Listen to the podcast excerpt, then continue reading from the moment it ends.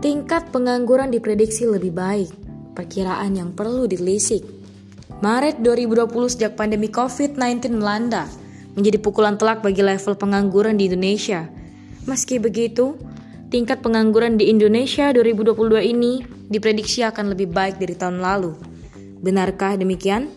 Perkiraan ini berdasarkan dua asumsi, yakni tidak ada lagi kenaikan kasus COVID-19 dan program penciptaan lapangan kerja pemerintah baik itu investasi maupun program kewirausahaan.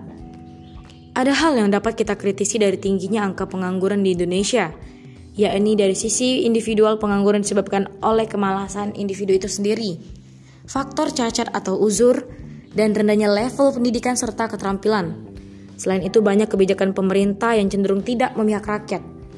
Dalam sistem ekonomi kapitalisme, transaksi yang terjadi memang menjadikan uang sebagai komoditas yang disebut sektor non-real juga mengakibatkan harta beredar hanya di sekelompok orang tertentu.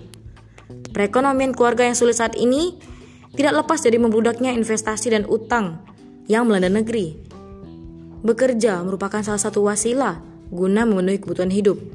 Tidak hanya itu, negara pun bertanggung jawab membuka lapangan pekerjaan yang seluas-luasnya bagi masyarakat, serta memastikan orang yang mampu secara fisik untuk bekerja.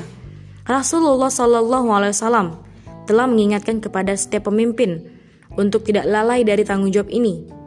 Imam itu adalah laksana penggembala dan dia akan dimintai pertanggungjawaban akan rakyatnya. Hadis riwayat Bukhari dan Ahmad. Adapun dalam kebijakan sosial yang berhubungan dengan pengangguran, khalifah tidak mewajibkan wanita untuk bekerja. Dengan demikian, secara teoritis dan praktis Islam punya seperangkat aturan untuk menjamin kesejahteraan rakyat, bukan sekedar prediksi.